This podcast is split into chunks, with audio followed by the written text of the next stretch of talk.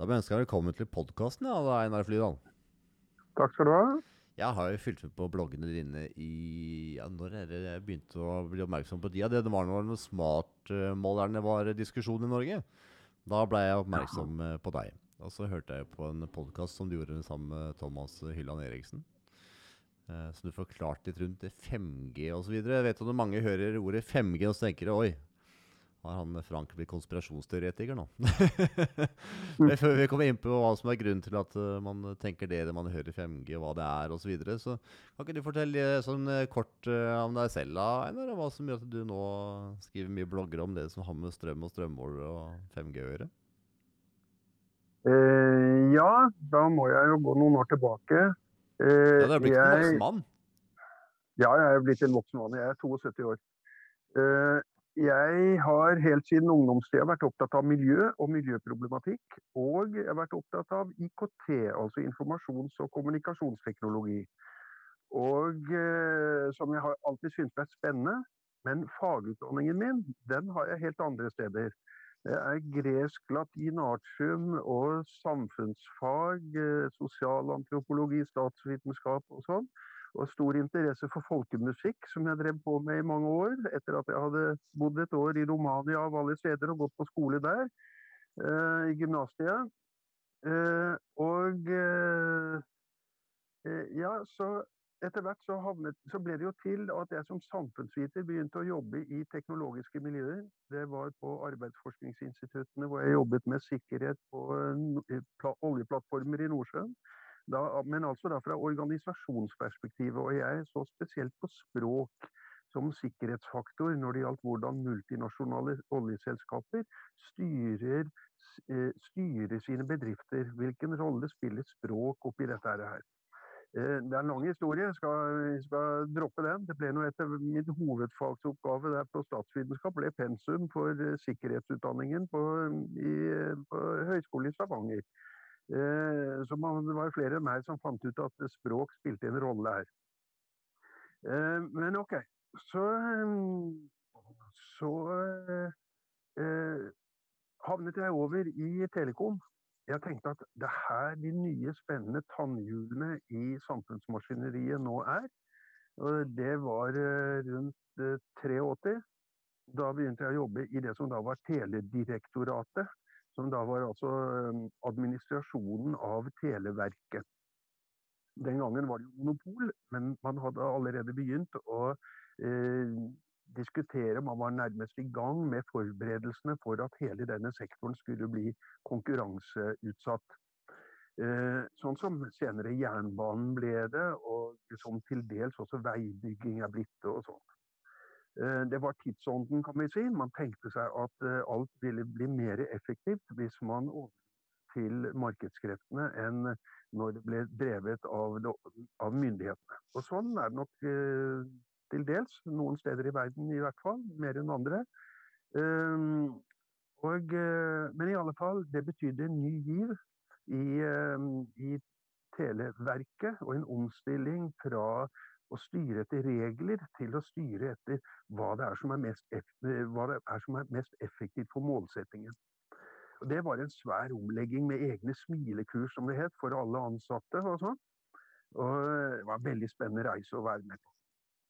Ok, Så eh, etter hvert så havnet jeg i Ja, akkurat på den tiden så begynte eh, PC-er og e-post eh, ja, andre typer enn den vi bruker nå, men eh, dog, e-post begynte å komme inn i, i, i, kom i praktisk bruk. Telefax var ennå nytt og spennende. Og ja da. Og, og man diskuterte ja, og man, man, diskuterte jo sånne spørsmål som når du sender en telefax, hva er originalen da? Er det den du sendte fra deg, eller er det den som kommer fram? Og Det hadde stor juridisk betydning. ikke sant? eh, man sendte en kontrakt. Ok, Så det var masse spørsmål som dukket opp da, som var for så vidt også samfunnsfaglige spørsmål.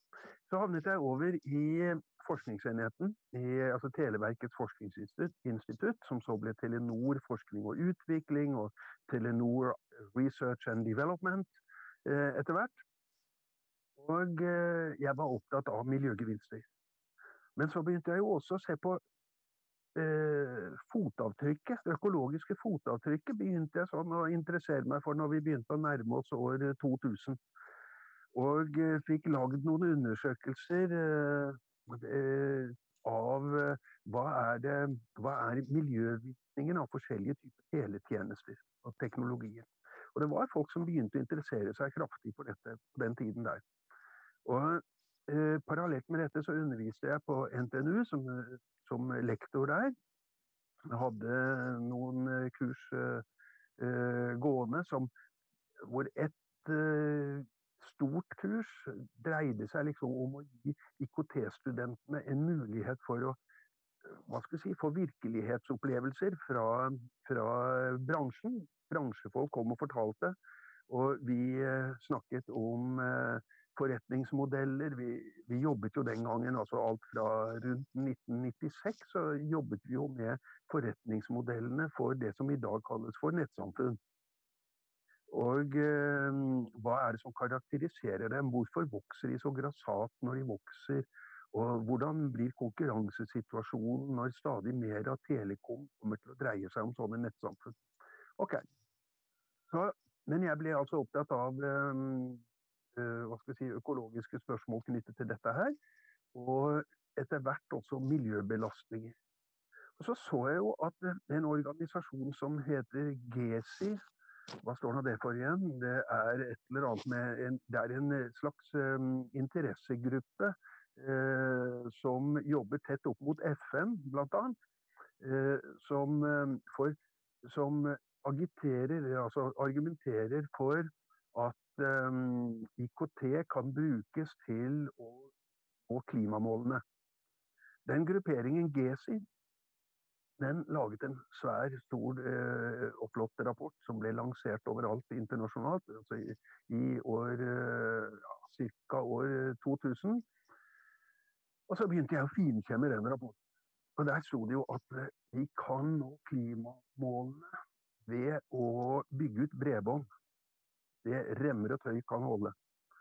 Og eh, man regnet på hvor mye f.eks. Pakistan kunne øke sitt bruttonasjonalprodukt og samtidig senke utslipp eh, ved å bygge rask, bredbånd raskt ut, og hvor mye man kunne gjøre det i Kina, i Australia, i forskjellige andre land. Ved å ta det i bruk i bygninger, i eh, produksjon, i transport osv. Men jeg leste også fotnotene og eh, slo opp der hvor man henviste i fotnoten, og da fant jeg ut at eh, her tok jo forfatterne noen svære forbehold. For de sa at eh, jo, altså her kan vi effektivisere en hel masse, men da må vi jo, hvis ikke vinninga skal gå opp i spinninga, så må vi jo beslaglegge de, de gevinstene. For ellers så blir det jo bare brukt til mer forbruk. Og da får vi jo større ressursforbruk. Og da er vi like langt. Eller kanskje tvert imot, det har blitt enda mye verre. Så, så, og de skriver til og med inn i denne svære rapporten, da, som samlet opp også materiale fra mange andre rapporter, så skriver de jo at hvis vi skal få til det, da må vi jo innføre nærmest drakoniske politiske systemer. For å slippe at noen gjør, gjør seg nytte av den gevinsten de får. Og likevel så må vi jo få dem til å effektivisere selv om de ikke får noen gevinst av det selv. Og Sto det i klartekst eller som tolkning i den rapporten? Nei, altså det, jeg, det sto ikke akkurat slik jeg formulerer det nå, men det var det som var det klare budskapet.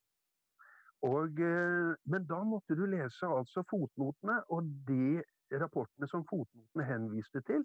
Og da fant du ut at denne rapporten som var skrevet av McKinsey, verdens mest prestisjefylte konsulentselskap, den bygget på kilder, som igjen bygget på tenk, tenk på et tall. Så det var bare luft bakom. Men det framsto som et stort, overbevisende argument for hvorfor vi skal ha bredbånd raskest mulig og mest mulig. Så fra å, fra å være en person som eh, holdt foredrag om alt vi kan vinne på IKT, eller av å bruke IKT, så ble jeg en person som begynte å, å, se på hva er forutsetningene for disse påstandene? og fant ut at de var ganske tvilsomme. Så, okay, så begynte jeg å ta inn sånne ting i mine foredrag i, i mine forelesninger på NTNU. Skrev en artikkel som jeg av og til oppdager er blitt sitert her og der, men da famlet jeg jo egentlig forståelsen av dette her. Det var sånn helt i begynnelsen, rett over år 2000 en gang. Og, men så, så støter jeg på, mens jeg da fortsatt jobbet i Telenor, så støter jeg på en stor rapport fra Verdens helseorganisasjon, og nå begynner vi å nærme oss 5G for alvor. Eh, hvor man hadde undersøkt om det var noen økt sjanse for hjernekreft hvis man brukte mobiltelefoner. For det hadde det jo vært diverse rettssaker om i USA. Det var eh, folk som hadde fått hjernekreft som gikk til sak mot Motorola. Motorola og andre produsenter hadde flyttet antennene vekk fra toppen av mobiltelefonen ned til bunnen av mobiltelefonen for at den skulle komme lenger vekk fra øregangen og hjernen. Kom den ned mot haken, og da begynte forekomsten i verden av strupekreft istedenfor å vokse. Eh, og eh, så Eller skjoldbruskkjertelkreft, for å være nøyaktig. Og så eh, Men OK, så skulle dette undersøkes av en stor, eh, av en stor gruppering. Det ble kjørt 13 prosjekter, tror jeg det var, rundt i forskjellige land i verden. Som da så på statistiske sammenhenger. Eh, og man fant noe økt forekomst av hjernekreft blant mobilbrukere. Så Og jeg så tilfeldigvis denne rapporten, jeg tror det var i 2010 Eh, så kom rapporten. Jeg så pressemeldingen som sa at eh, man hadde ikke funnet det. Bortsett fra for langtidsbrukere, de som hadde brukt mobiltelefoni ekstra lenge, der fant man eh, mindre hjernekreft. Men det skjønte man, det måtte antagelig være en feil i det statistiske materialet. Eller metodefeil i undersøkelsen eller noe sånt.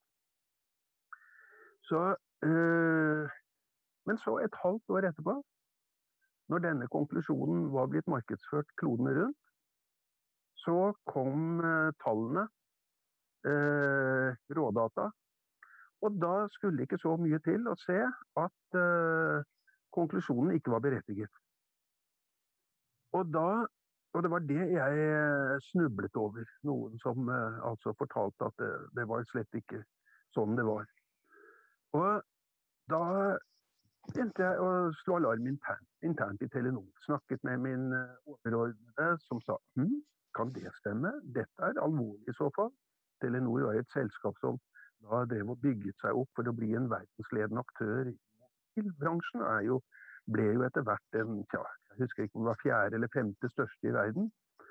Uh, og så gikk det videre oppover til en av konserndirektørene som jo også sa at dette er viktig, dette må vi se på. Men det var selvfølgelig helt umulig for Telenor å håndtere noe sånt. Det var altfor uh, utfordrende. Det var mye bedre å la det ligge. Ikke minst fordi at uh, dette store prosjektet var støttet av uh, GSMA, den internasjonale organisasjonen for mobiltelefoniaktører, som hadde støttet eller finansiert store deler av Verdens helseorganisasjon. Og leder for eh, GSMA på den tiden var vel eh, Baksås, hvis jeg husker rett. Altså Telenors leder. Eh, så dette var uhåndterbart. Og jeg skjønte at her fikk jeg ikke noe behør for dette. Og så begynte jeg å lete etter, etter folk som kunne noe om dette andre steder.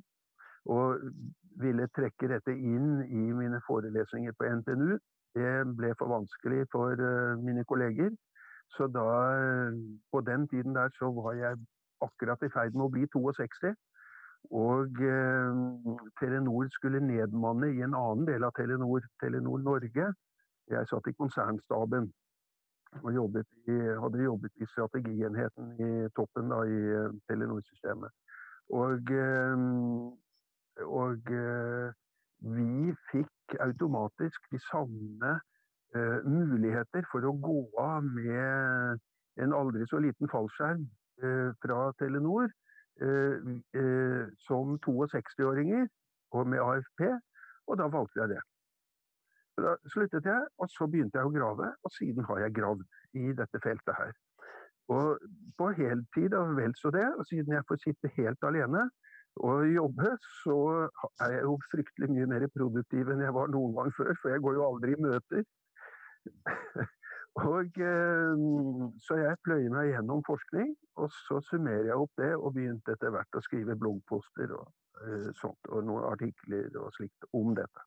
Ok, så da, det var hele bakgrunnen min, og hvordan jeg havnet inn i dette temaet her. Og eh, eh, hvordan jeg da så at her var det rart.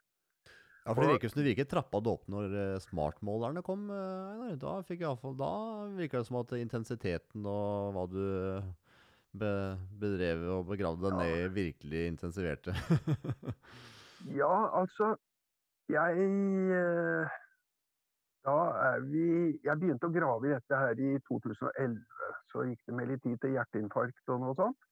Eh, men eh, Og bloggen begynte jeg vel litt med så vidt i 2014. Og eh, så Smartmålerne begynte jeg vel for alvor å skrive kanskje litt om i 2015-16. Ja, noe sånt. Kanskje 17. Ja, og så Og det er jo på mange måter samme sak. Fordi mikrobølger er det mm, som smartmålerne kommuniserer med. Og mikrobølger er det som 5G bruker. Og hvis vi skal prøve å dele opp hva problematikken her er, eh, for å få noe grep for hvorfor vi kan eh, på mange måter snakke om dette som samme ting, så så må vi ja, skal, Jeg skal prøve, skal prøve, å få til det. For det første, det er et generelt problem at IKT, altså informasjons- og kommunikasjonsteknologi, etterlater seg store fotavtrykk. Det er et generelt problem uansett om vi snakker om PC-er, notebooks eh, eller laptoper, eh, padder og mobiler eller eh, smartmålere eller basestasjoner eller hva vi enn snakker om. Vi, de, vi står nå vi, vi, bruker nå tek, denne teknologien totalt bruker et eller annet sted i størrelsesorden 4 er det vel av, eh, av, verdens energiforbruk. Og da er den dobbelt så stor som i internasjonale luftfarten når det gjelder CO2-utslipp. Så vi snakker, vi snakker om svære om plasser. Det er 10% av verdens energiforbruk, 4% av CO2-utslipp. Eh, så vi snakker om noe som har et svært økologisk fotavtrykk. I tillegg så bruker vi veldig mye ressurser på, på å produsere teknologien. Og sist jeg så noe regnestykke på det, så var det vel også slik at faktisk til og med solcelleteknologien Der brukte man mer energi på å lage solceller enn det de leverer i løpet av sin levetid. Kanskje er det blitt forbedret nå, men sånn så det ut da. Eh, så høyteknologi har en pris i seg selv. Så det er nå én bit. Men så kommer vi til strålingen og den slags. Eh, hvis vi tar en eh, ja, La meg bare si det først. 5G er egentlig bare en videreføring av 4G og 3G og 2G. 2G det er GSM og forskjellige andre radioteknologier og radarteknologier. FM og AM, altså kortbølge, mellombølge, langbølge osv. Så, videre. så dette er teknologier vi har hatt siden forrige århundreskifte. Og siden Marconi satte i gang med langbølgesendingene fra Isle of Right i Den engelske kanal i 1904. Da døde eh, honningbiene og Isle of Right.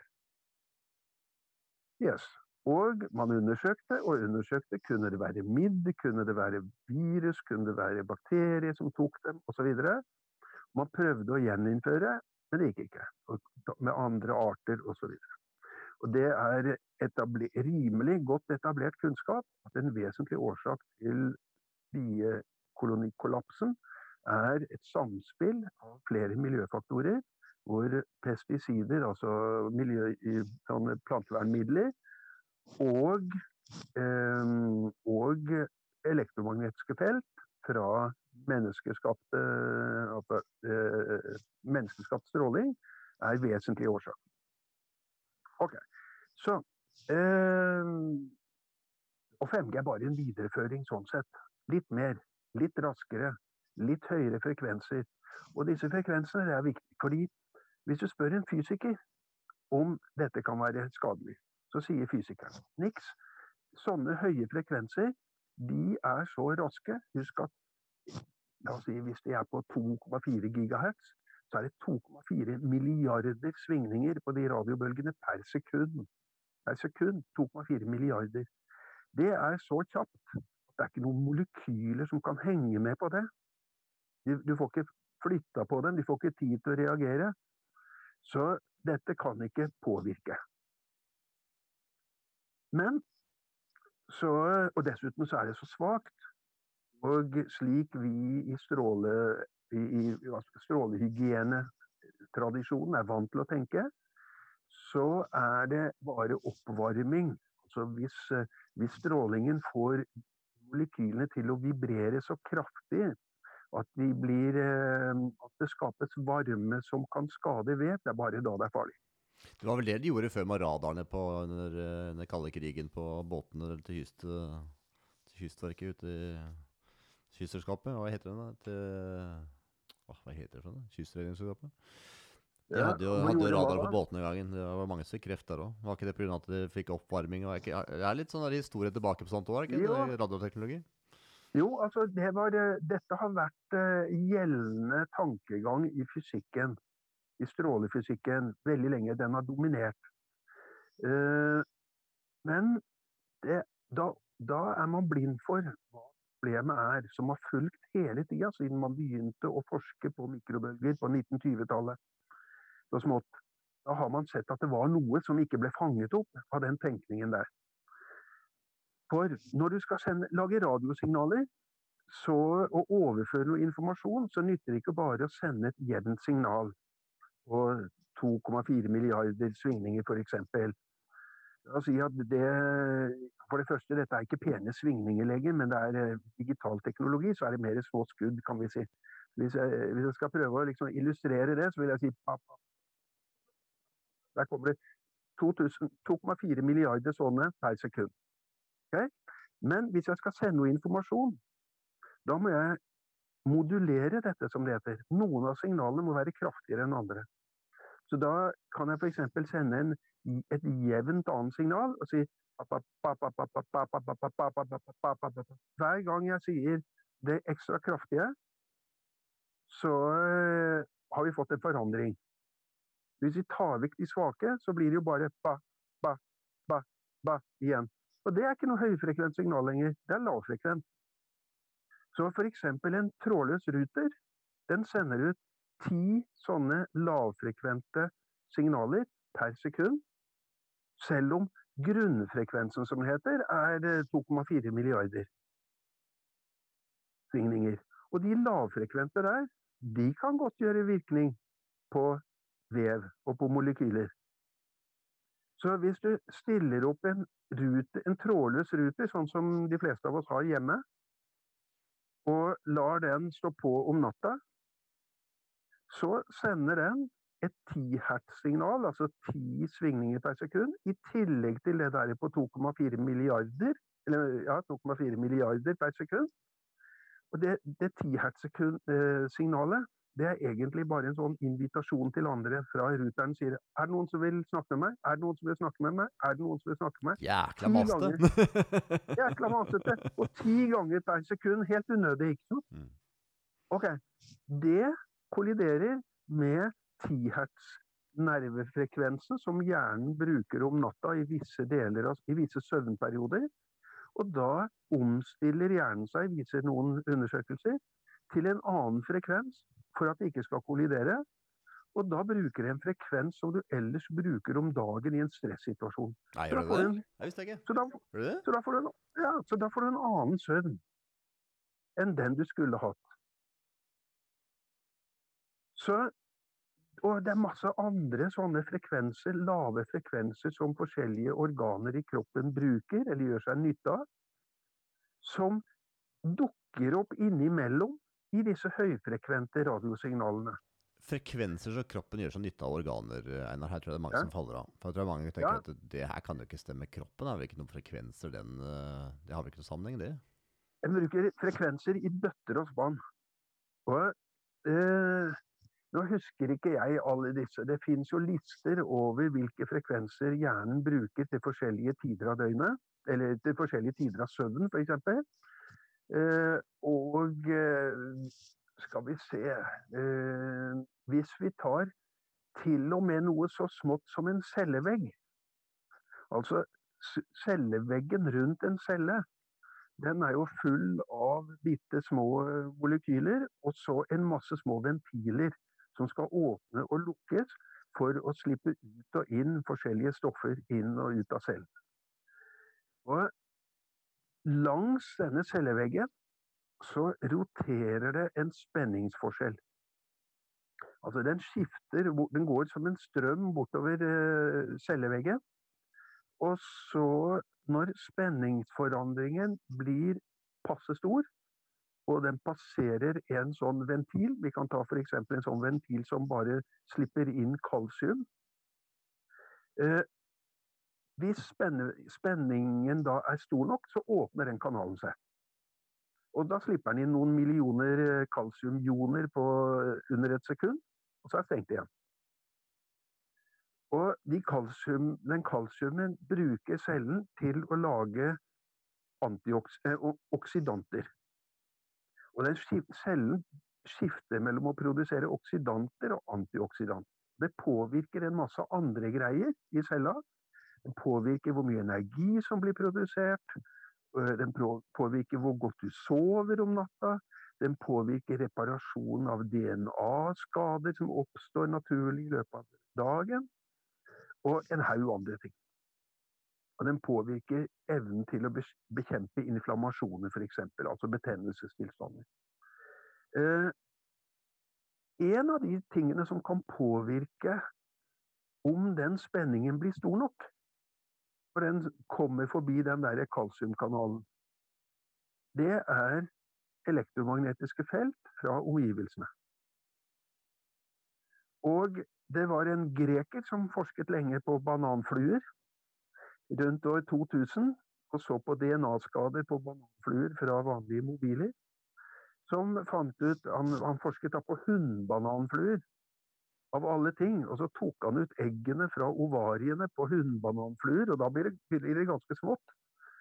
Uh, og så sjekket han og forskningsteamet hans så sjekket de uh, uh, hy- eh, etter DNA-skader. Så fant de jo da at når bananfluene ble utsatt for mobiler, så eh, påslått mobiltelefoni, så eh, oppsto det DNA-skader i eggene. De, de, de, ble jo da liggende i eggene. Sant? Og det er jo sånn med hunndyr at de har med seg disse eggene fra fødselen omtrent, som de skal bruke gjennom hele livet. Sånn er det jo med mennesker òg. Og de er ikke så godt å hente ut og undersøke, på mennesker i hvert fall. Eh, Men de fant, okay, de fant skader. Etterpå så begynte han, han og teamet å se på kan, eh, hvordan går det an å forklare at mobiltelefoni, som jo er så svak, eh, og altfor svakt å varme opp og ødelegge på den måten, at det er nok likevel. Så finner du ut jo, det første disse lave frekvensene som dukker opp i praksis når du bruker ikke bare en jevn frekvens, men har med disse pulsene som trengs for å overføre informasjon. Disse lavfrekvente pulsene. Og dessuten ensretter strålinga slik at den bare går én vei, og det gjør den for alle sendere vi lager. Det er noe an- annerledes motsatt i naturen. Men eh, i, i sendere vi lager, så, så ligger de i samme planet som bølger på en, på en vannoverflate.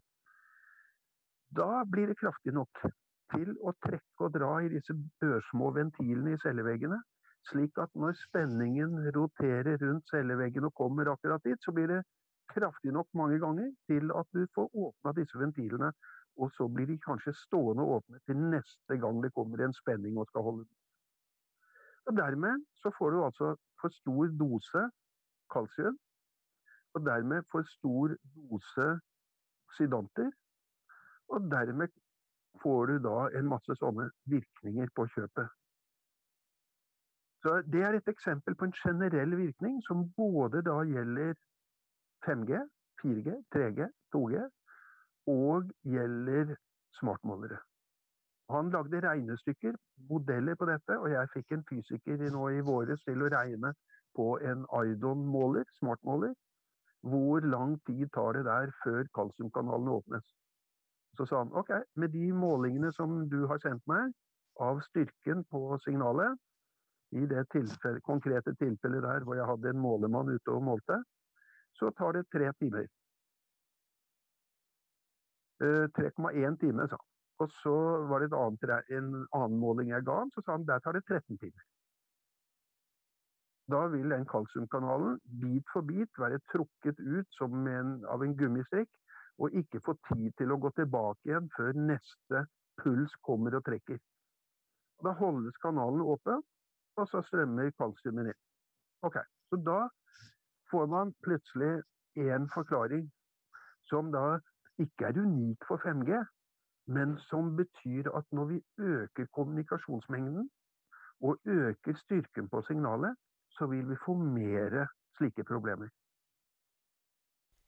For Grunnen til at jeg ramla opp i det her, eh, Einar, var at eh, jeg husker tilbake i 20, 2009-10, tenker jeg. Så brukte jeg mye mobiltelefon.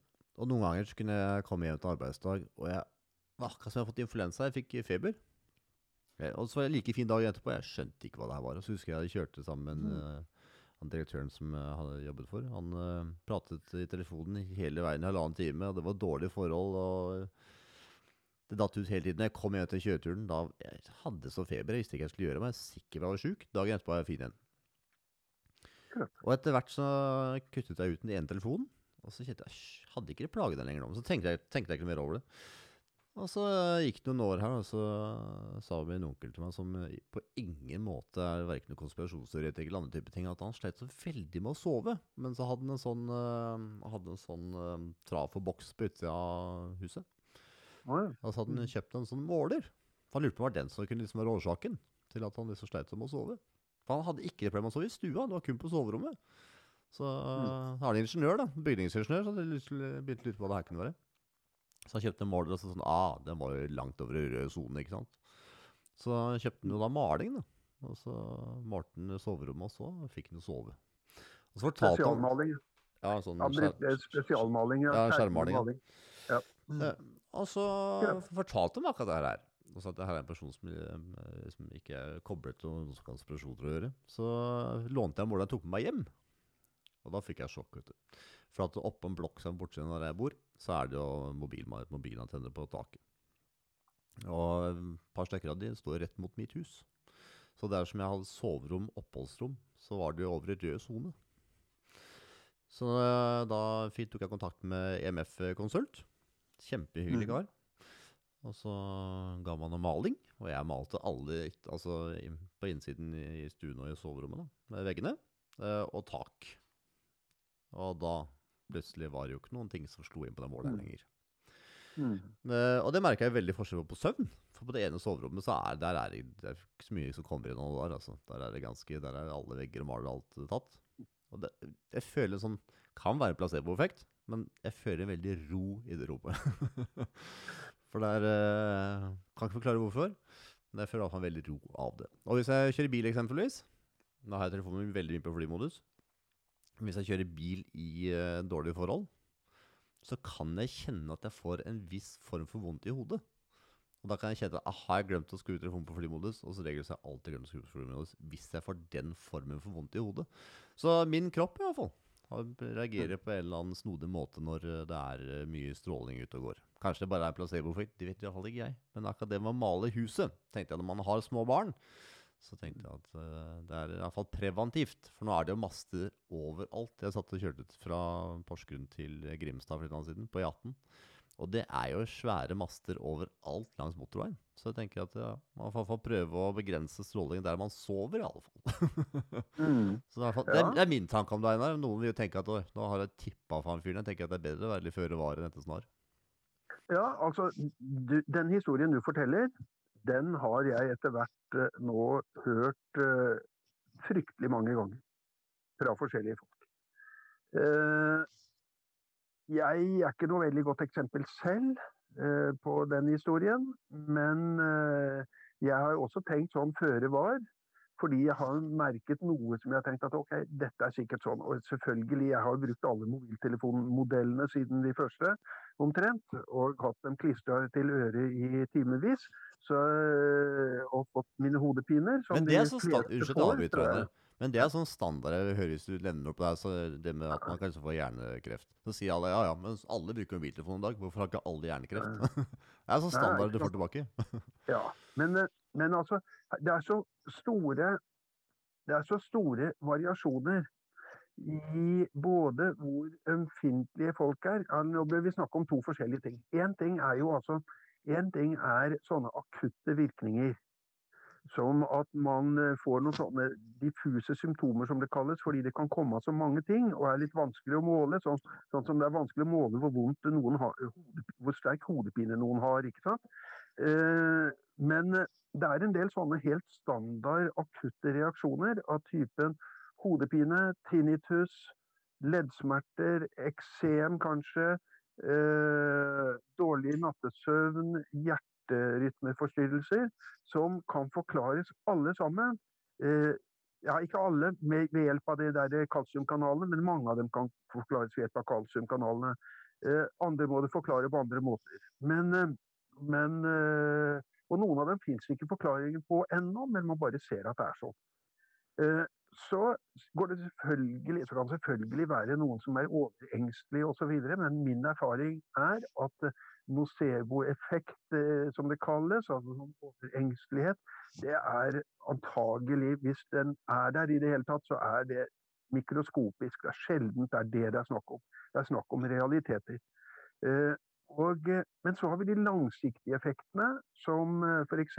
blir det økt hyppighet av kreft, blir det økt hyppighet for, for um, uh, uh, diabetes,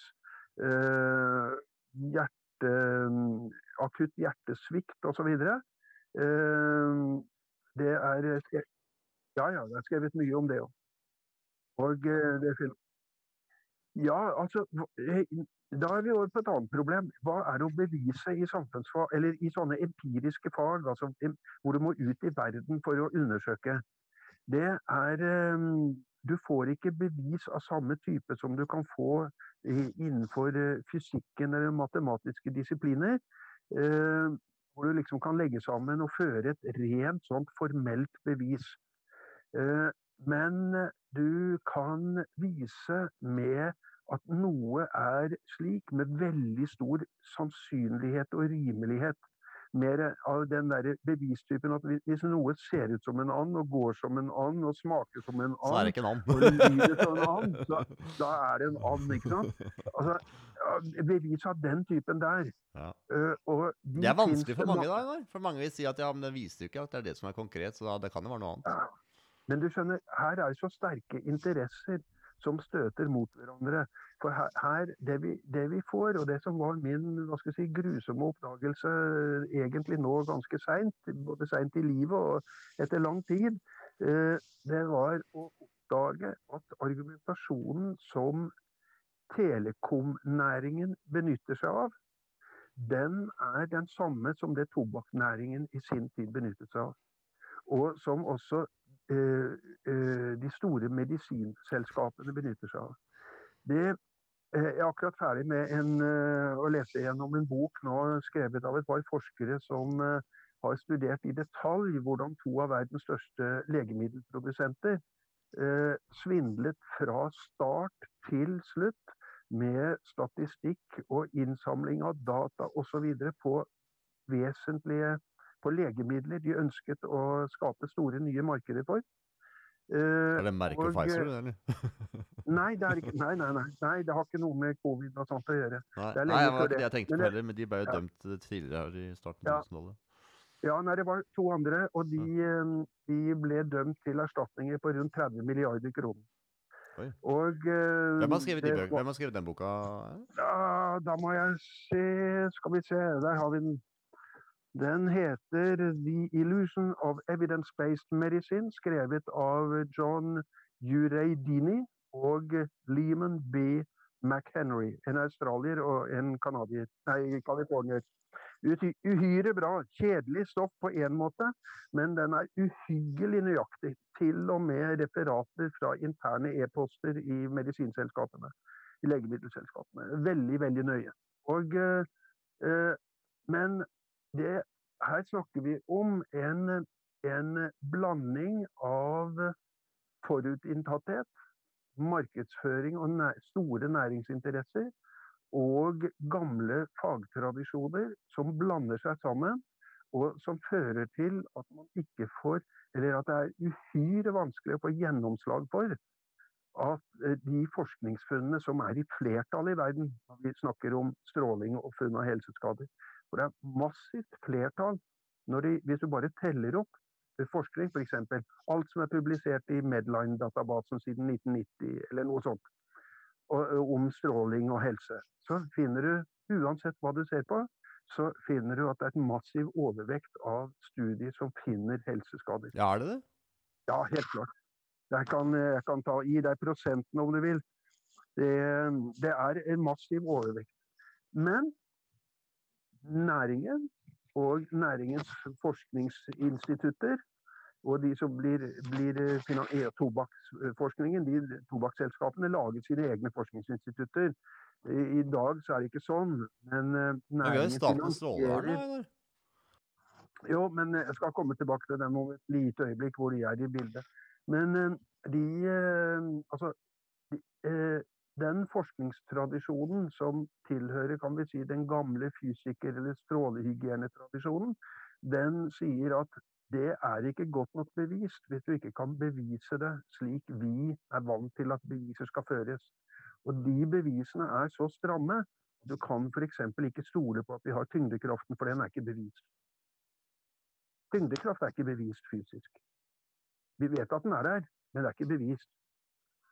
Og, eh, men, men du og jeg vet selvfølgelig at da må man godta sånne bevis som at en stein faller til bakken når vi slipper den. Og eh, eh, man, har, man har ikke bevist det, altså. Man har bevist det i form av at man ser at den faller, men man har ikke forklart mekanismen. Og hvis du sier at du må forstå mekanismen, da er det straks mye vanskeligere, for mekanismene i, når det gjelder miljø og biologi og sånn, er vanvittig komplekse.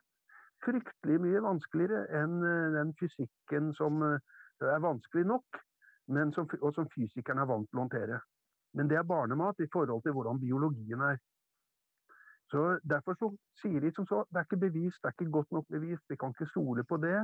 Og derfor skal vi heller ikke gjøre noen forandringer ennå. Ja, for jeg har lest på hjemmesiden til Statens strålevern. Uh, Ja. Og der, var det jo noen år stund siden jeg leste det, men det var noe sånn til, til all sannsynlighet, eller noe sånt. En, eh, det var ikke noe konkret der heller. så er det ikke noe helseskade. Så det er, liksom, det er, de, har, de, kommer, de skriver jo ikke så veldig konkret, de heller.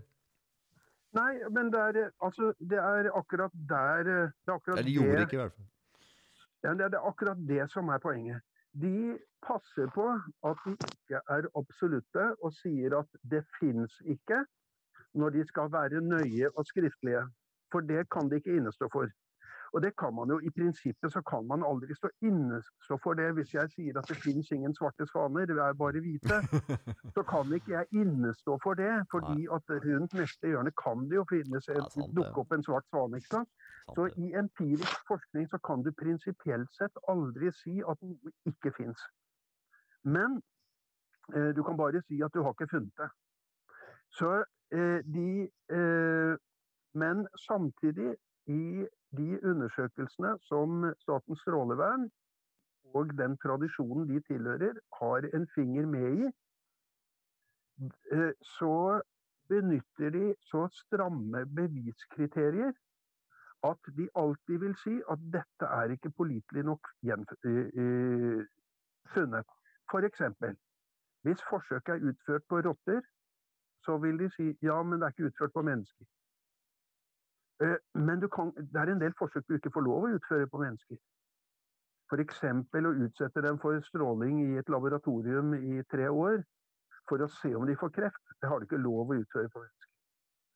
Um, og hvis de sier at uh, vel her har vi en klar statistisk sammenheng, så vil de si ja, men statistikk viser ikke årsak. Så da må du forklare årsaken. Hvis du så kommer med en årsak, så vil de lete til de finner noe som mangler i den, og si at dette er ikke godt nok, for vi har ikke hele årsaksforklaringen. Og Sånn holder de på. og sånn, det, Dette ser vi i en haug forskjellige rapporter. Og det er, det er forsvarlig og riktig tenkt ut ifra én fagtradisjon. Mm. Men det er ikke føre var-prinsippet? Nei, det er på ingen måte. Og det er helt uforsvarlig ut ifra føre var-prinsipper. Men da sier de som sagt at men vi må avveie dette mot samfunnsnytte. F.eks. og siden det ikke er påvist, så trekker vi den slutning at eh, heller ja, for, Og for ikke å uro befolkningen, så sier vi da at det ikke er. For vi må forenkle budskapet litt. Og dette går igjen i rapport på rapport på rapport. Og det er, det er så systematisk at, um, at uh, man i USA for et halvt år siden fikk en dom i en føderal domstol om at det amerikanske strålevernet, FCC som det heter, um, og uh, er, er, dømmes til å redegjøre for hvorfor det har sett bort fra forskningsresultatene de siste ti årene som viser helseskader fra radiofrekvensstråling. Så det du sier, Einar, at 5G, som mange har tenkt som en stor konspirasjon, det er jo egentlig ikke noe nytt. Det er bare at vi på en måte bare øker intensiteten med det vi har. Ja da. Det er, det er en del nye tekniske konsepter. Og eh, det, man har hentet noe smart noe fra radarteknologien for å kunne lage stråler som retter seg spesielt mot den enkelte. Ehm, den enkelte mobiltelefon fra antenna, og mot den enkelte antenne fra mobiltelefonen din. Hvorfor bruker man radioteknologien, da? Jo, altså Grunnen er ganske enkelt at eh, den store utfordringen, hvis du ser dette med teknologiens briller, så er den store utfordringen hvordan skal vi få plass til mer kommunikasjon. Så vi kan, vi kan få plass i eteren, plass i lufta til mye mer kommunikasjon mellom alle slags duppeditter. Mellom bilen og sykehuset og kjøleskapet og nærbutikken og hva det nå er. Alt skal kommunisere med alt. ikke sant? Det, vi skaper jo et fantastisk marked. så det er jo, Bransjen er jo interessert i det, selvfølgelig. Og teknologene syns det er gøy, fordi at, at her er nye, masse nye spennende utfordringer for teknologer. Uh, så da må du for det første må du opp i frekvens. Bruke høyere frekvenser. Delvis av to grunner. Det ene er at det er ledig plass. I de andre frekvensene er stort sett brukt opp.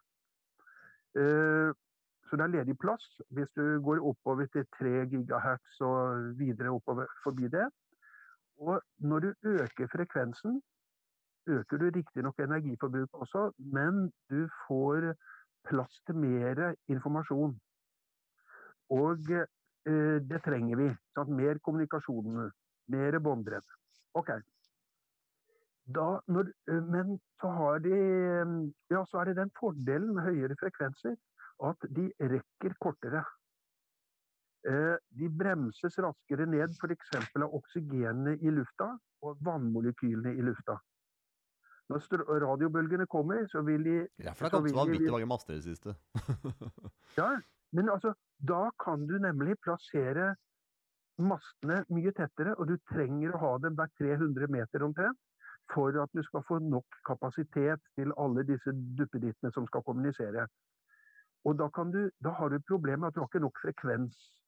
Frekvenser å plassere ut. Men siden du da bruker høye frekvenser som bremses raskt ned når de treffer vannmolekyler og, og øh, oksygen, så, du, så blir de så svake litt lenger borte at du kan gjenbruke den frekvensen på en annen antenne der. Så det er en fordel. Og så sier noen ja, men her er det en fare òg. Stopp en hal. For ja, Det er det ikke så mange som sier, Einar. nei, men ja, det, er noen, nei, det er noen det er altså mange forskere som sier det. Stopp en hal. Fordi hva, hva er konsekvensen av å la lade opp disse oksygenpartiklene og hydrogen, altså, og vannmolekylene i lufta? F.eks. Eh, vil det ha noen konsekvenser for eh, hvordan oksygenet virker? Og hvordan eh, f.eks. finnes det noen som hevder at eh, det, mm, det svekker de røde blodlegemenes evne til å ta opp oksygen. Yes. Eh, og eh, ikke som jeg har for hånden og som jeg har lest, men jeg har sett referanse til at dette er tatt opp som tema. Eh, meteorologer rundt i verden har gått ut og sagt at eh, med 5G kommunikasjonssatellitter så kommer vi til å få dårligere værvarsler. Fordi 5G kommunikasjonssatellittene har fått lisenser til å bruke en frekvens som ligger kloss innpå dem som værvarslingssatellittene bruker å, til værradar. Det er det Elon Musk som setter opp en hel haug ikke det? Ja, ja, ja. Vi snakker jo nå om eh, Nå er det vel planer for bortimot 100 000 satellitter eller noe sånt. Nå. Eh, og eh, han sender vel opp 60 stykker i måneden nå for tida, tenker jeg.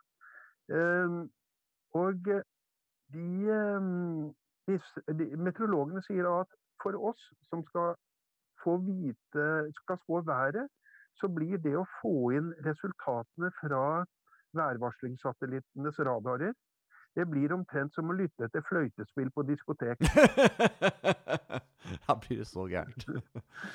og, og, konsekvensen av å få dårligere værvarslinger, eh, sier de, det vil kunne slå ut f.eks. på jordbruksproduksjonen i verden.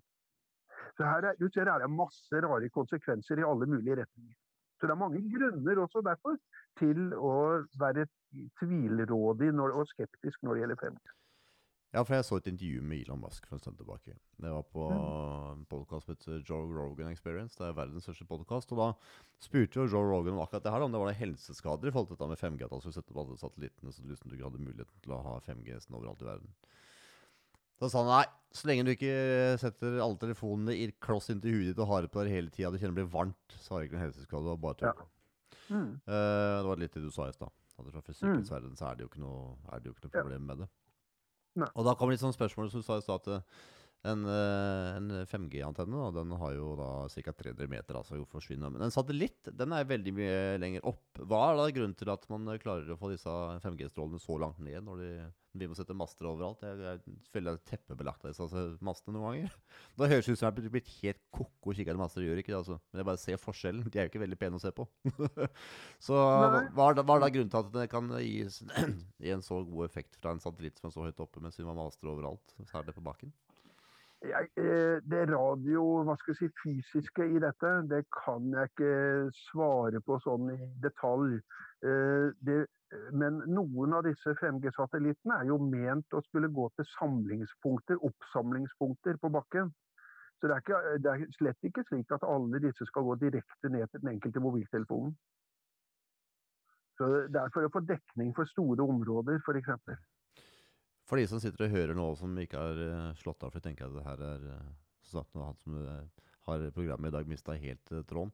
Hva er det man kan gjøre for å, for å forhindre seg litt det her? Hvis man tenker at ja, ja, det er ikke så veldig bra disse kalsiumåpnerne åpner seg hele tiden. Mens jeg kan jo ikke akkurat stenge meg fra samfunnet heller. Hva, hva kan man gjøre? Nei, det er ikke Det er jo ikke veldig enkelt. Og vi må vel tenke dette på veldig mange forskjellige nivåer. Hvis vi starter med den enkelte, så er det jo klart at uh, det finnes en del sånne enkle beskyttelsestiltak. F.eks. du snakket i stad om å ringe med, bruke mobiltelefonen inne i bilen. bilen er jo Da sitter de jo nærmest i et Faradays bur, altså en kasse som er beskyttet mot å slippe radiobølger inn og ut. Eh, så da, da vil mobilen din øke styrken for å trenge gjennom disse veggene og vinduene, som gjerne har tynt metallbelegg i tillegg. Eh, og så, så, da, og så får du refleks fra alle vegger, så da sitter du gjerne i firedobbelte av strålinga det du ville ha hvis du var på utsida av bilen. Eh, det finnes en del regnestykker på sånne ting som er gjort. Og, eh, så det er nå én ting. Eh, sette mobilen i flymodus, eller i alle fall ikke bruke den inne i bilen. Så er det sånne enkle ting som å slå av wifi om natta. Det er noe av det enkleste man kan gjøre, for da bruker du det ikke likevel. Og etter hvert da istedenfor å ha det på dagen, så eh, begynne med kabler. Den eh, PC-en eh, jeg bruker nå når vi snakker sammen over Zoom her, den er jo da kabla. Samme her. Noe, Samme her. Ja, ikke sant? Jeg har ikke, noe, jeg har ikke noe trådløs wifi her lenger. Jeg har den samme ruteren, men wifi er slått av. Og så er, har jeg slukket kabler rundt i huset. Eh, så er det jo eh, noen som får hodepiner og eh, andre elendigheter, som bruker til og med klær som er fora, slik at de, slik at de beskytter seg. Luer med eget stoff inni som, som, da, som da stenger ute høyfrekvent Ikke den lavfrekvente, riktignok. Da må det til med jording og sånt så er det mm, En del folk holder seg også veldig unna alle sånne kilder. Noen og, eh, eh, slik til er så forsiktige med bruk av strøm at de holder veldig lave eksponeringsverdier Eh, altså, de utsetter seg for veldig lite. Jeg kjenner jo til folk etter hvert som bare har på kjøleskapet et par timer i døgnet og ellers lever nærmest uten strøm. Fordi, fordi, at de, blir syke av det. Og da, da, blir de syke av det som kalles for skitten strøm, som vi ikke fikk snakka om nærmest. Ja, men vi la oss kjapt inn til hva det er for noe. Ja, altså, det er egentlig det er litt av det samme som det vi snakket om i stad. Hvis du tar vekk de høye frekvensene og bare sitter igjen med de lave, så er, har vi altså frekvenser som vi vet kan påvirke biologien selv om de er veldig svake.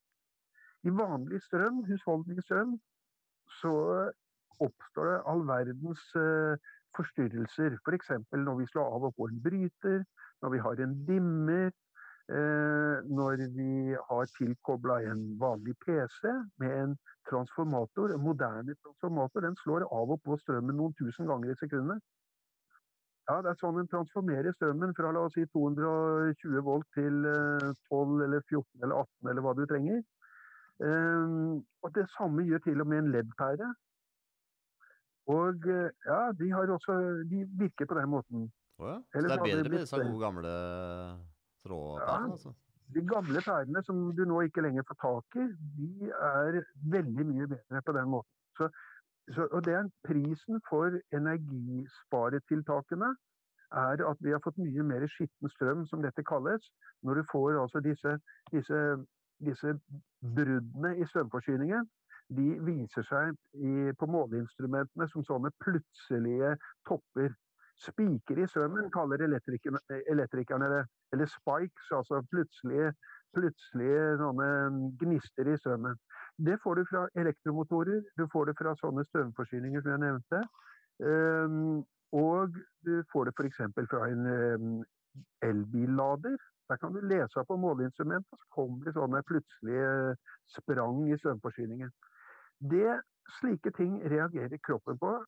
Vi vet fra naturvitenskapelig forskning, f.eks. For fra, fra forskning på elektriske utladninger i værfronter, for å ta noe eksotisk nå, at slike utladninger bruker både planter og dyr som styringssystemer. De justerer den tilværelsen etter sånne utladninger. Og når vi da føser på med kunstig skapte sånne, så eh, forstyrrer vi biologien.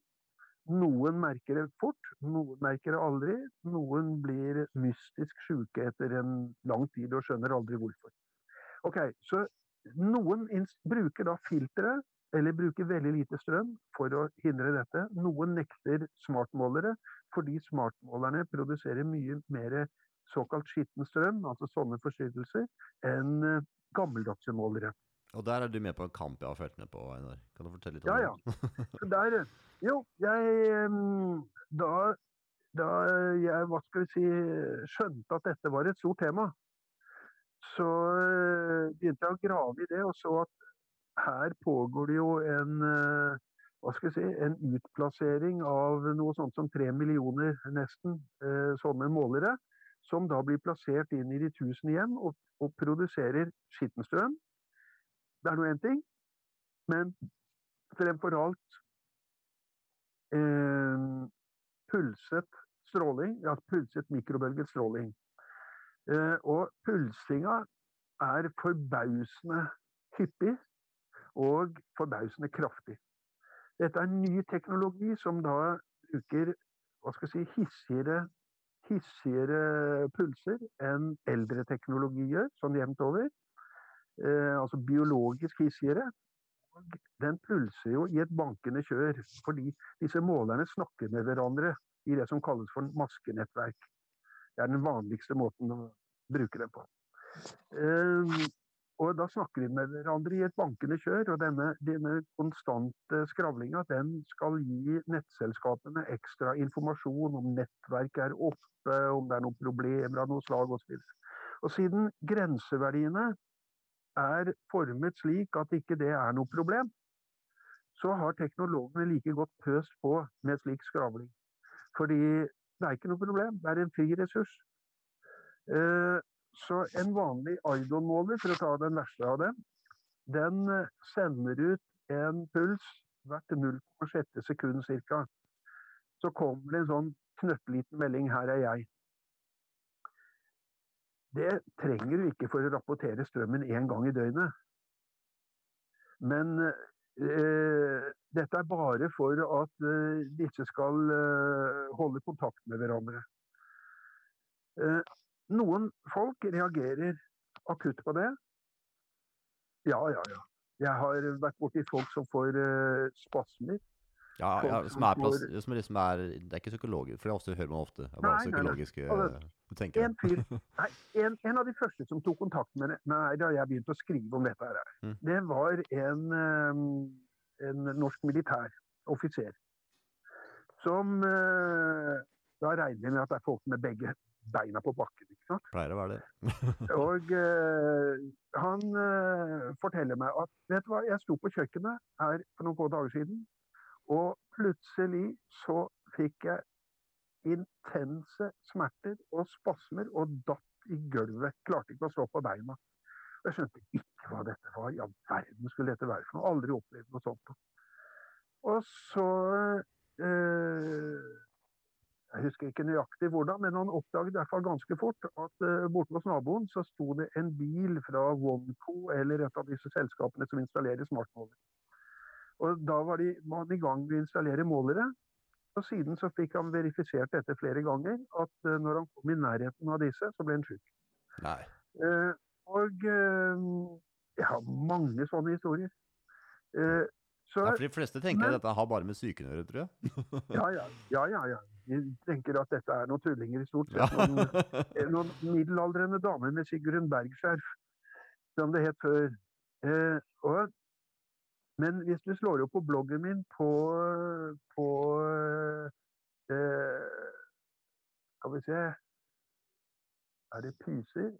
Eh, jeg tror det er på Slår opp på bloggen min på pingler ordet pingler, så kommer du til en bloggpost om hvorfor det spesielt er kvinner som merker dette, mer enn menn. Og det er noen klare biologiske grunner. Og øh, Noen er rent biologiske, og noen har å gjøre med at de bruker mer sminke enn menn, og, derfor, og mer kjemikalier i husholdningen, sånn tradisjonelt, slik at de har en større belastning av miljøstressorer, så det skal mindre til før de tipper over. Eh, Så, eh, så det har en forklaring, det òg. Så bildet er, er korrekt. Det er nok eh, mer kvinner som blir dårlige enn menn, men det er en grunn til. også. En fornuftig grunn til. Men jeg tenker at nå er det jo masse smartmålere overalt. Vi har mobiltelefoner alle Mm. mann, og det er, det er overalt, Der. Det er trådløse trådløse Ja, ja. ruter, og jeg kommer selv fra IT-bransjen før, òg. Det er liksom ruter overalt. Mm. Skulle det ikke vært flere da som gikk rundt og hadde helseplager og hadde hjernesvulst og hadde blodkreft og alt med seg, hvis det var så gærent? Ja, det er jo det er noe, Jeg må svare på det i flere, flere setninger. Mm. Noen eh, For det første, vi vet jo ikke hvor mange det er. Vi vet at disse diffuse lidelsene som kan skyldes flere miljøfaktorer, Mm. de er det veldig mange av. Store deler, veldig store deler av sykeligheten er slik, eh, den typen ting. Så, og vi vet at hvis du går til USA, så har man i løpet av én generasjon fått et skifte fra sånne ting, sånne helseproblemer som skyldtes bakterier og virus og slitasje og sånn, over til ting som ikke kan forklares sånn, men som alle sammen kan forklares med, som miljøstressorer som fører til forhøyet oksidantproduksjon. Men der har vi mange elementer. da. Da har vi jo sprøytemidler, og vi har liksom Masse, mat. Det er ja, mange ja. elementer der, da. Og fordi det er mange elementer, så er det omtrent uråd å få vanntette undersøkelser av eh, akkurat hvor mye hver enkelt faktor betyr. Og stort sett eh, Mellom sånne elementer så er det også samspillseffekter. altså Det kan være mye større virkning av når begge, eh, når begge miljøstressorene er der, enn hver av dem enkeltvis lagt sammen. Unnskyld, jeg drar deg ut på litt annet spor enn det du egentlig skulle svare på, Einar. Men eh, var det ikke noen land som, eh, var det ikke noen land som, eh, som forbøyer disse AMS-målerne nå? Jeg, husker jeg feil nå, eller? Var, det var for det var noe som måtte fjernet av AMS-målere sånn forskjellig òg, var det ikke noe sånt nå? Det Husker jeg feil?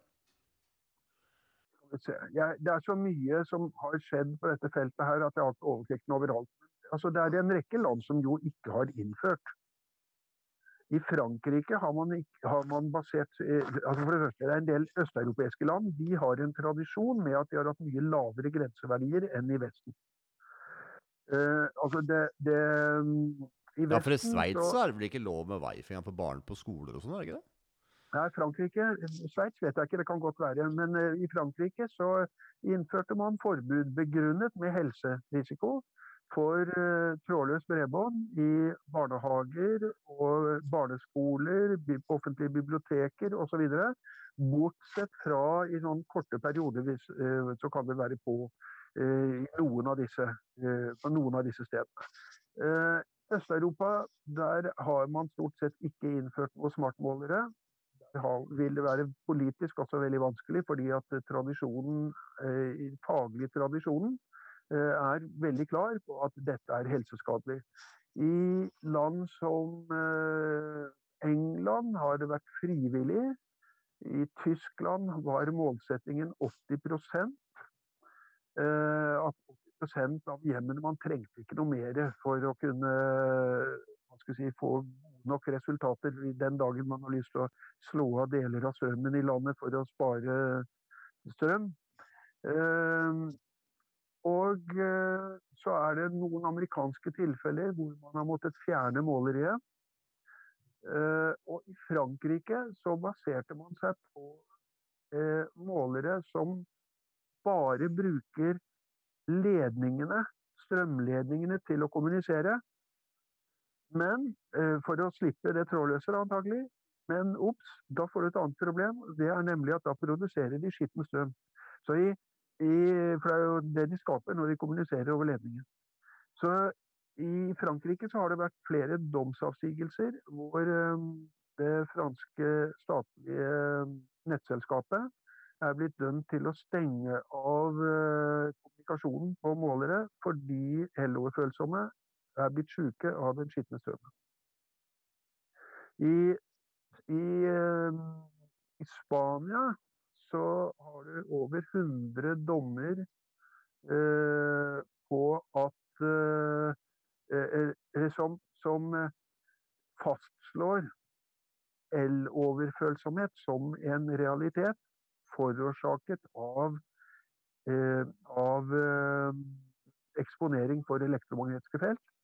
Mens i Norge så har vi en pussig dobbeltsituasjon. For på den ene siden så sier helsevesenet at eh, uh, dette er ikke påvist. Klart at det kan uh, at, at slik påstått følsomhet skyldes elektromagnetiske felt. Men populærversjonen i helsevesenet er en tolkning av dette som sier at dette er noe tøys, det er bare innbilning. Og Det er to vidt forskjellige ting. Det at det ikke er så nøyaktig påvist at det tilfredsstiller beviskravene de bruker, og at uh, det bare skulle være tøys. Det siste det har ikke verken helsemyndighetene eller Strålevernet i Norge grunnlag for å si. Ja, for du var med på en rettssak her eh, nå i ja. sommer, var det ikke det? Mm. Hvor, jo, rett før hvordan gikk den? Nei, den gikk ikke noe særlig godt. Den, kan, og Derfor er den anket nå til lagmannsrett.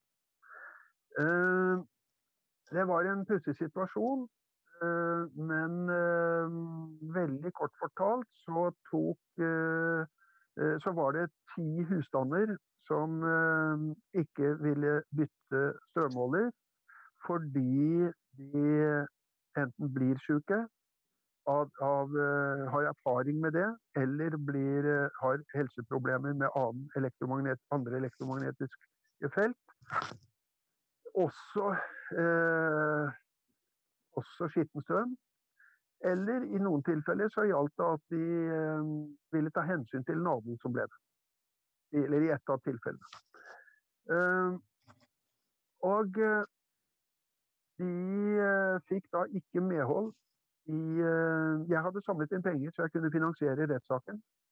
Eh, jeg Men eh, de fikk ikke medhold i retten. Retten valgte da å stole på to vitner som jo egentlig selv ga uttrykk for at her var de ikke sikre, for dette kunne man ikke vite.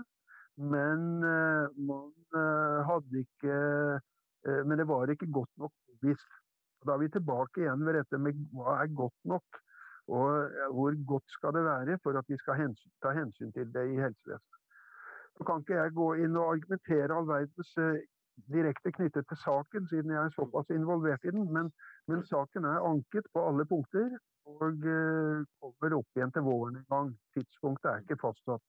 Så Vi har hatt en ny finansieringsrunde og eh, har forhåpentligvis noenlunde nok eh, penger og arbeider i hvert fall nå med forberedelsen av anken. Men har man noe mer og klare beviser denne gangen her, da?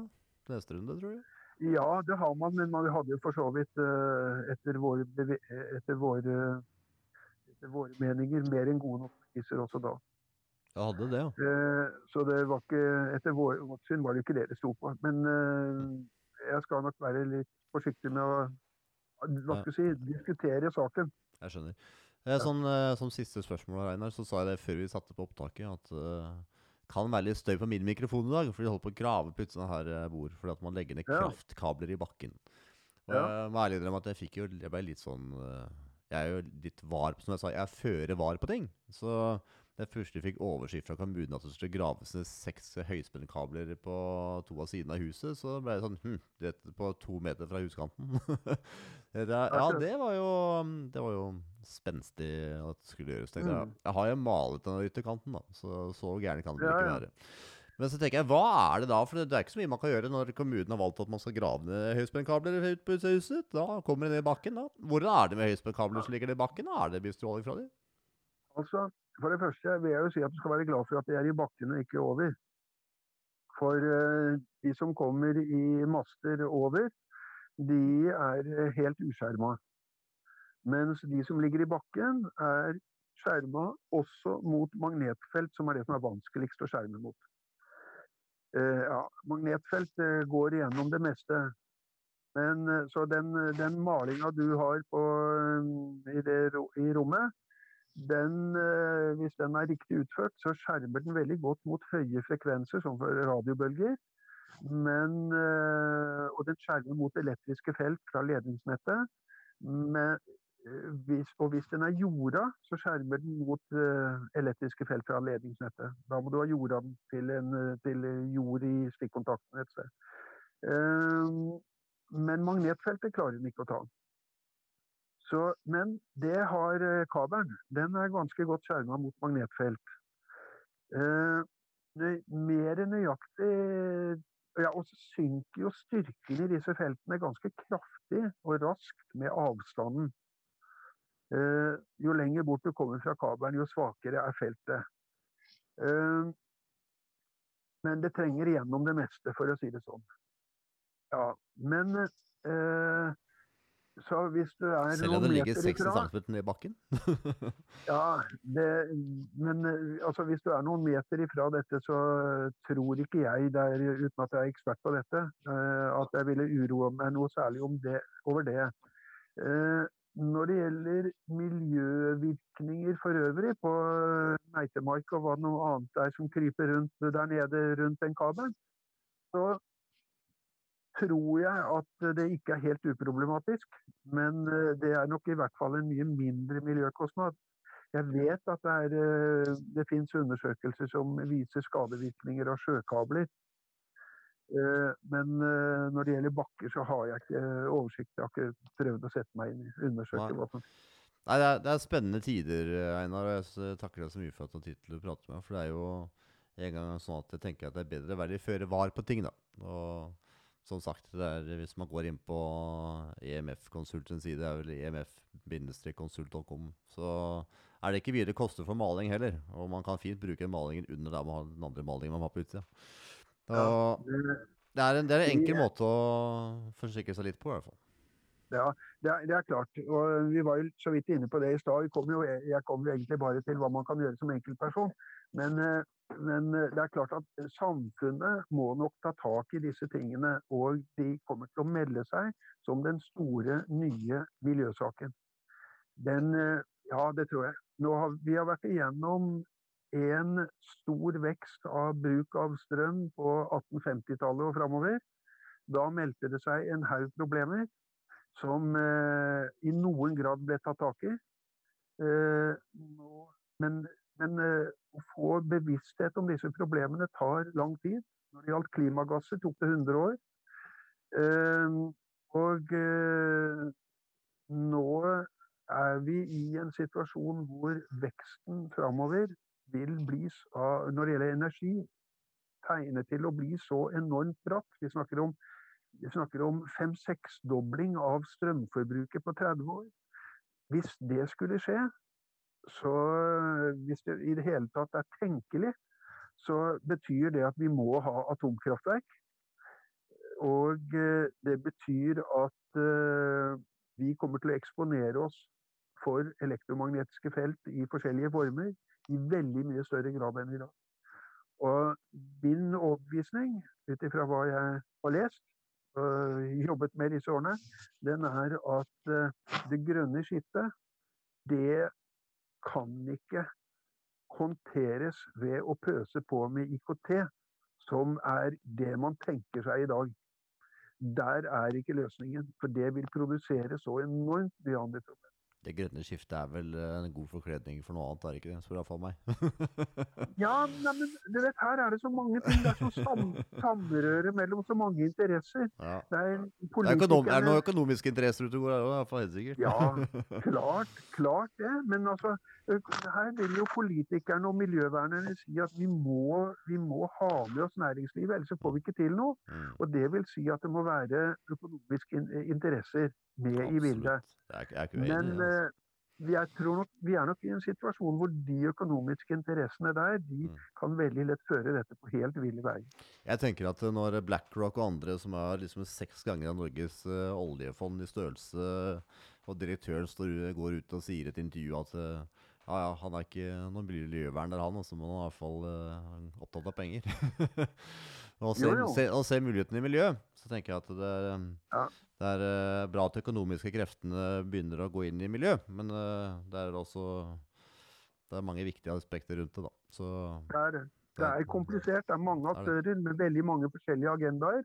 Og det tror jeg er en av hovedgrunnene til at det dukker opp sånne påstander om konspirasjoner osv. i dette, det er det at man ser at her er det så mange krefter, og de arbeider på globalt nivå fordi økonomien og politikken nå er blitt så global som den er. Og da er det veldig lett å tenke seg at de snakker sammen og pønser ut et eller annet. Jeg tror ikke på sånt. Eh, men at de snakker sammen, selvfølgelig gjør de det. Skulle bare mangle. Men, de, men disse planene er i all hovedsak åpne og foregår i det åpne. Ja, altså skal man da huske at det er, er det ikke nå fem mennesker som, uh, som er hedgefondforvaltere, som regjerer over 60% av jordens uh, ja. verdier. da. Så jeg tenker ja, ja. at disse fem menneskene, de, de kjenner hverandre godt. Og. Er det noe som f.eks. BlackRock eh, de, vel, de, sitter vel som i 25% eller har en eierandel på 25% av topp 500 selskapene som er, hvis ikke jeg husker helt, mm. riktig, helt feil nå. Så det er ikke klart at det er innflytelse på det, noen få mennesker her. Og det er ikke noen konspirasjon, det. det er bare Nei, hvilke markedskreftene hvilken vei det går. Ja. ja, ja. Klart. Nettopp. Ja, eh, jeg deler, deler det synspunktet der. Så jeg tenker at det er interessante tider vi er i, Einar. Jeg tenker at uh, det vi som forbrukere kan gjøre, det er å forbruke forbrukerkraften vår. Og det forbrukerkraften, det er hvor er vi bruker pengene våre. Er, uh... Ja, den må vi bruke. Og så må vi drive opplysning. For dette ja, er et felt hvor det finnes veldig lite opplysning. Og det, mitt bidrag inn i det har vært alle disse bloggpostene. 725 eller noe sånt. Det er så mange det har blitt nå, ja. ja og oversette bøker og, og skrive. Ja, kjempebra jobba. Så jeg må, Noen må gjøre det. Må, ja, og tusen takk for jobben. Du har også skrevet en bok som eh, du gjerne kan få lov til å reklamere litt om? Uh, ja, hvilken er det? Det, det er blitt flere bøker. Den uh, siste er 'Smartmålerne skitten strøm, uh, pulser og helsa'. Som jo nærmest er en slags svær bevissamling som gjennomgår beviser som blir brukt i denne ble lagt fram til denne rettssaken og eh, som vil bli brukt igjen i rettssaken til våren. Og så er det jo før det så er det jo ja, en som heter 5G og vår trådløse virkelighet. Det er vel det største som er lagd i Norden på noe nordisk språk. Eh, som er en, eh, en dels flere, flere, artikler. Der gjennomgås det f.eks. de som har mage og ork til noe sånt, så gjennomgås det 184 forskningsstudier av andre forskningsstudier. Slik at det er eh, flere tusen artikler som alt i alt er, det baserer seg på. Eh, og så forklares teknologien, så, forklares, så gjennomgås det hva leger har uttalt, så forklares lovgivningen osv. rundt 5G. Eh, så er det Hvor finner man de bøkene her, da? Hva sa du? Hvor får man tak i bøkene? Nei, de, du kan få tak i dem. Det enkleste er å gå til uh, bloggposten min, som er eh, einarflydal.com. Så kan man kjøpe dem der. Eh, noen som uh, er gått ut av salg, de kan man laste ned. Og en haug annen litteratur kan man laste ned, også på min blogg. Bøkene kan man også få tak i, på, i ved å gå i bokhandel, men da må man vite hva de heter. Så det er enklest å gå, gå, inn på bloggen min, så ser man det med en gang hvor du kan se det. Da må jeg ja. takke så mye for tiden din, Einar. Så Bare hyggelig. Det her var veldig informativt. Det var, flere, det var, mange ting her som eh, var nytt for meg. Som, uh, man går i tenkeboksen, og så tenker jeg at jeg håper det er flere som går i den føre-var-situasjonen. Føre-var-tankesettet, hvis man uh, tenker at de var inne på noe her. Ja, og det er mye mer vi kunne dekket, selvfølgelig. Men jeg prøvde jo å snakke så fort jeg kunne for å dekke mest mulig. vi, vi, fikk med mye, Einar. Det var kjempebra. Okay. Takk skal du ha, Einar. Ha det Bare bra. Hyggelig. Ha det.